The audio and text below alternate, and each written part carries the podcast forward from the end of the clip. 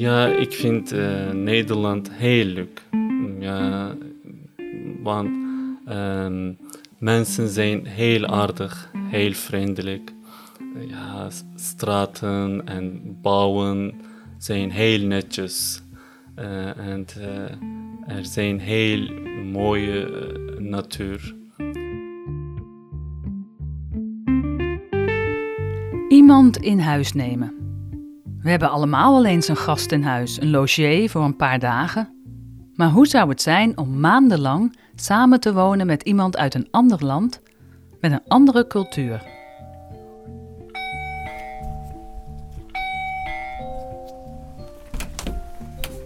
Goedemiddag. Goedemiddag. Hallo, Bob. Ja, Ik ben Bob. Hi Bob. Adnan. Hi Adnan. Hi. Je luistert naar Take Care B&B, de podcast. In elke aflevering ontmoeten wij mensen die dit aandurven.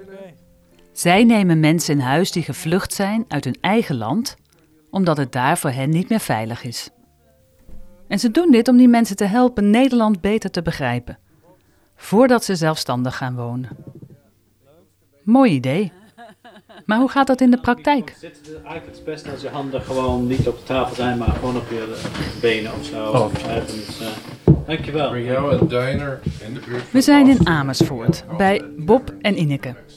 En ze hebben Adnan in huis. Ja, hier is mijn kamer, mijn uh, bed en mijn bureau. kan ik hier Nederlands studeren? En ja, het is mijn oranje uh, t-shirt.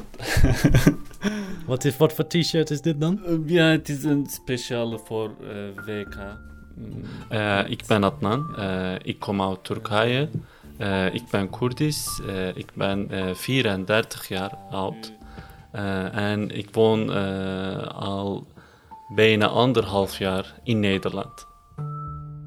Ja, ik ben Ineke van Oosten en ja, wij wonen hier nu al. Ik ben van Nederlandse afkomst, maar in uh, Canada opgegroeid. En toen in de Verenigde Staten gaan studeren, waar ik uh, mijn man heb ontmoet. En 30 jaar geleden ongeveer zijn we hier komen wonen. En, en ik Bob? ben Bob Scotch-Paul. Uh, dat is een Tsjechische naam met een paar lettergrepen door de Amerikanen eruit gehaald 150 jaar geleden. En dus het is vrij uniek. Eh, maar het betekent spring in het veld. Dus het is een goede uh, Hollandse naam. En uh, um, ja, ik ben Zoals je hoort zijn Bob en Ineke ook vanuit een ander land naar Nederland gekomen. Al een hele tijd geleden. En nu beschouwen ze Nederland als hun tweede thuis. Met veel liefde. Wij wonen alle drie hier heel graag. En willen nergens anders wonen.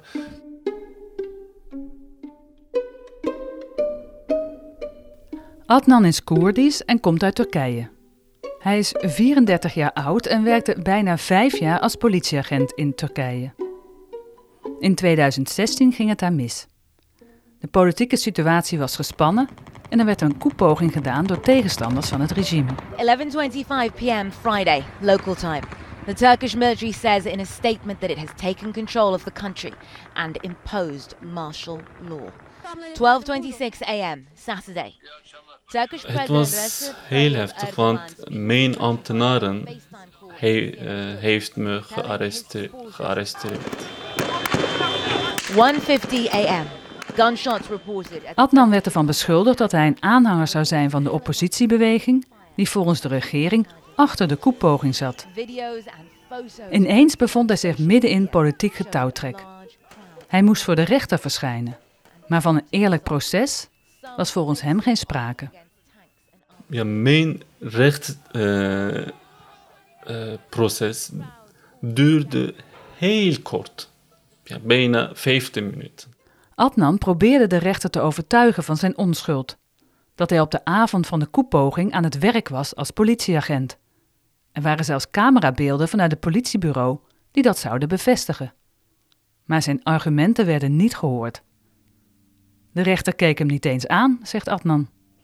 Hij uh, kijkt mij nooit en hij, uh, bladert, bladert mijn dossier. En daarna, ja, je moet naar gevangenis gaan.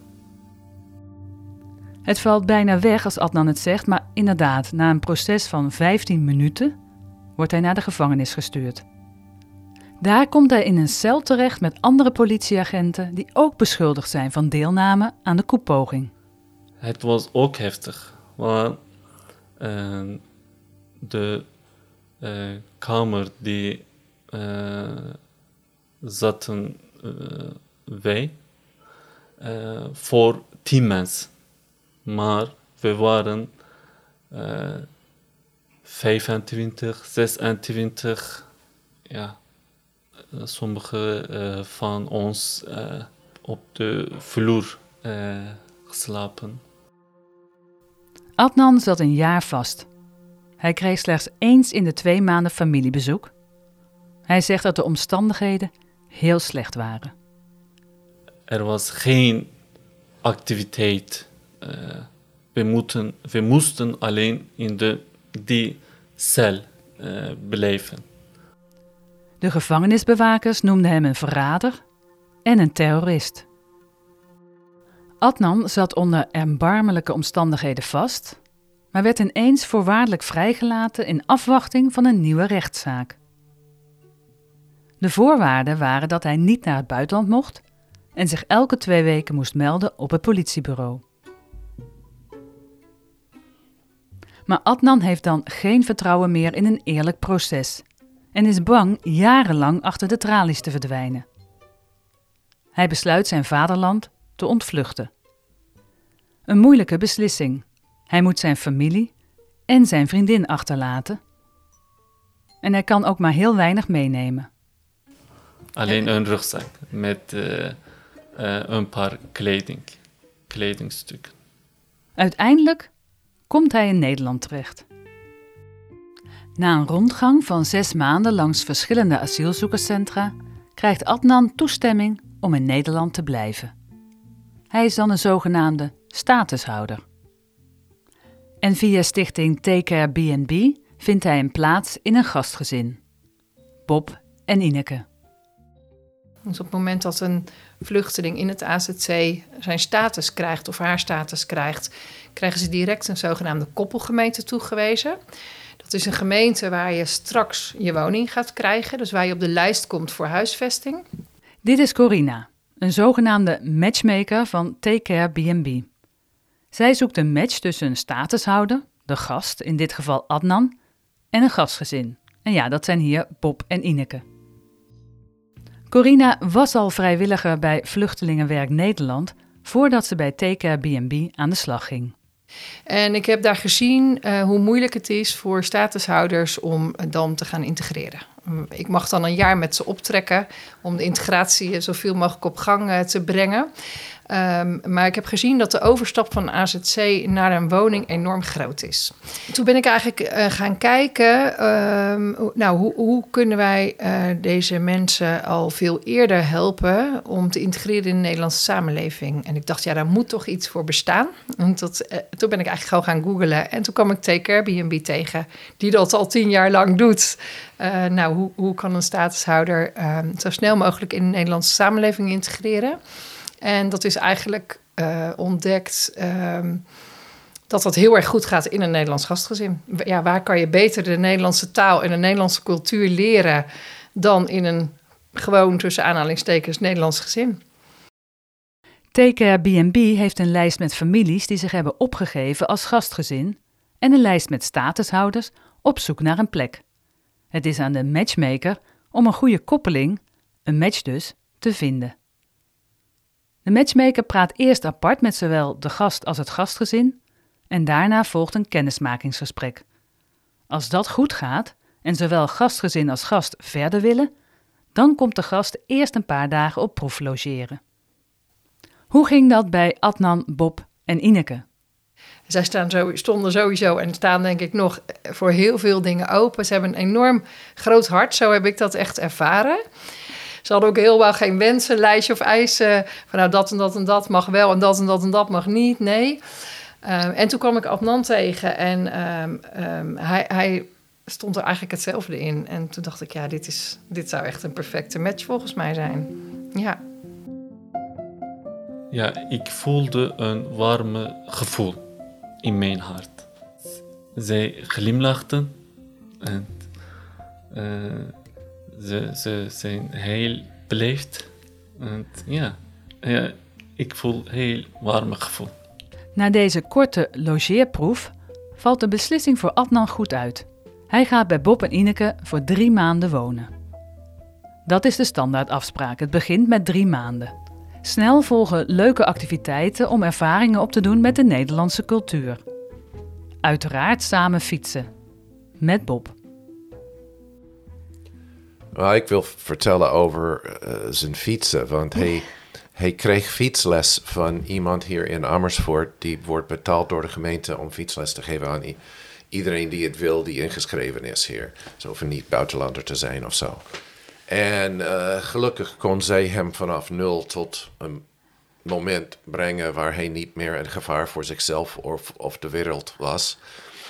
En dan ging zij op een lange vakantie en dan nam ik de boel over.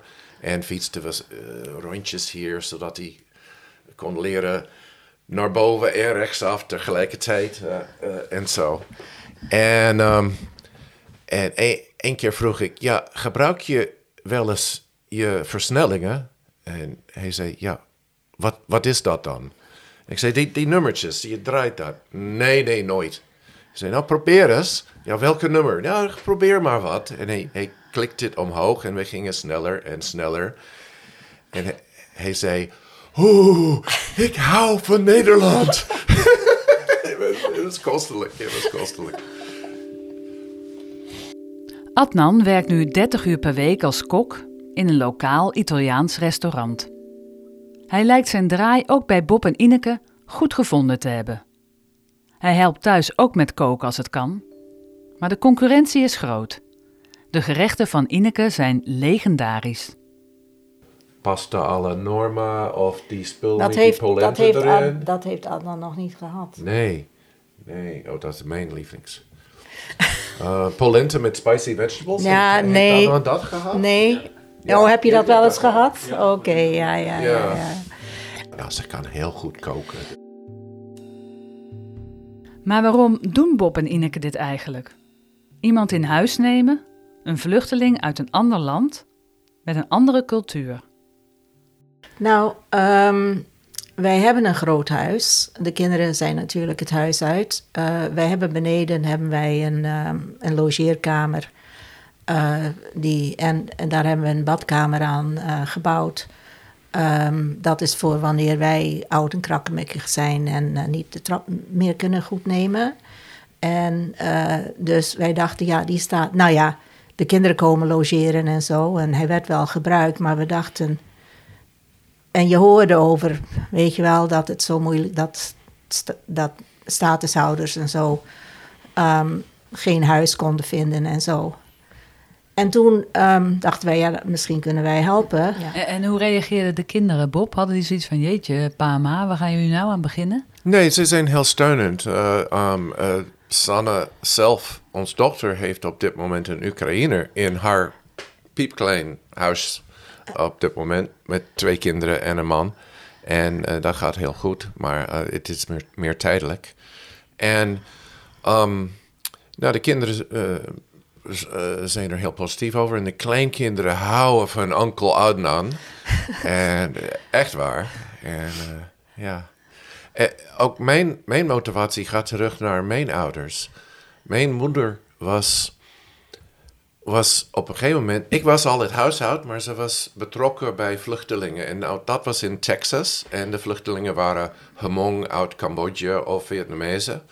En... Um, ik weet dat ik op bezoek was. Uh, ik was weer thuis een keer en uh, sommige mensen kwamen langs en ze, ja, ze hadden duidelijk een mooi band met mijn moeder en waardeerden haar heel graag voor wat ze had gedaan. Ik weet niet precies wat het allemaal was, maar uh, ze had duidelijk vrienden voor het leven gemaakt.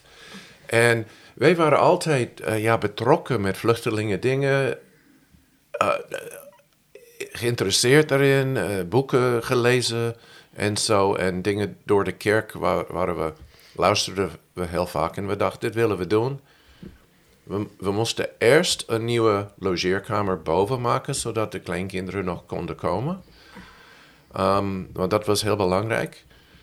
En uh, wij snapten dat het niet noodzakelijk zou klikken. Maar we wilden wel iemand helpen. Misschien klikt het en wordt het een, dikke vriendschap. Misschien niet.